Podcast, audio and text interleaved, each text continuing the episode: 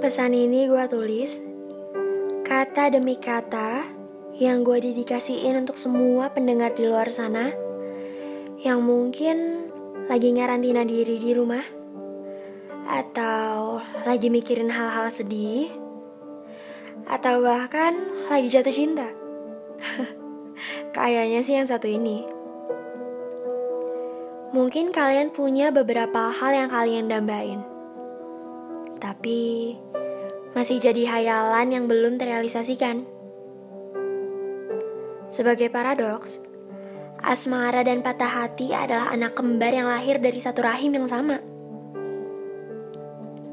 Kadang patah hati perlu kok, biar kita bisa ngedewasain diri untuk ngejalin lagi hal-hal yang romantis.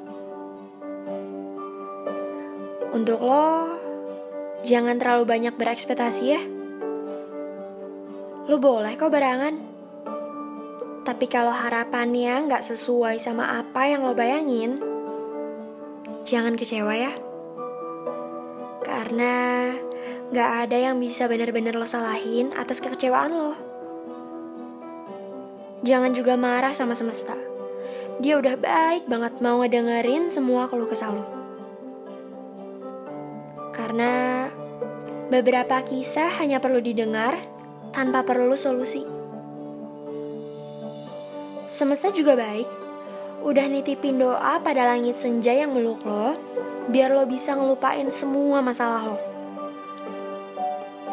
Sekarang, kalau harapan dan segala doa belum tercapai, gak apa-apa kok. Mungkin emang belum waktunya. Atau mungkin Tuhan lagi seleksi lo untuk ngedapetin itu. Yuk bangkit. Lo inget gak? Kapan terakhir kali lo bangkit? Enggak, bukan. Bukan untuk orang lain. Untuk lo. Kapan? Atau udah lupa?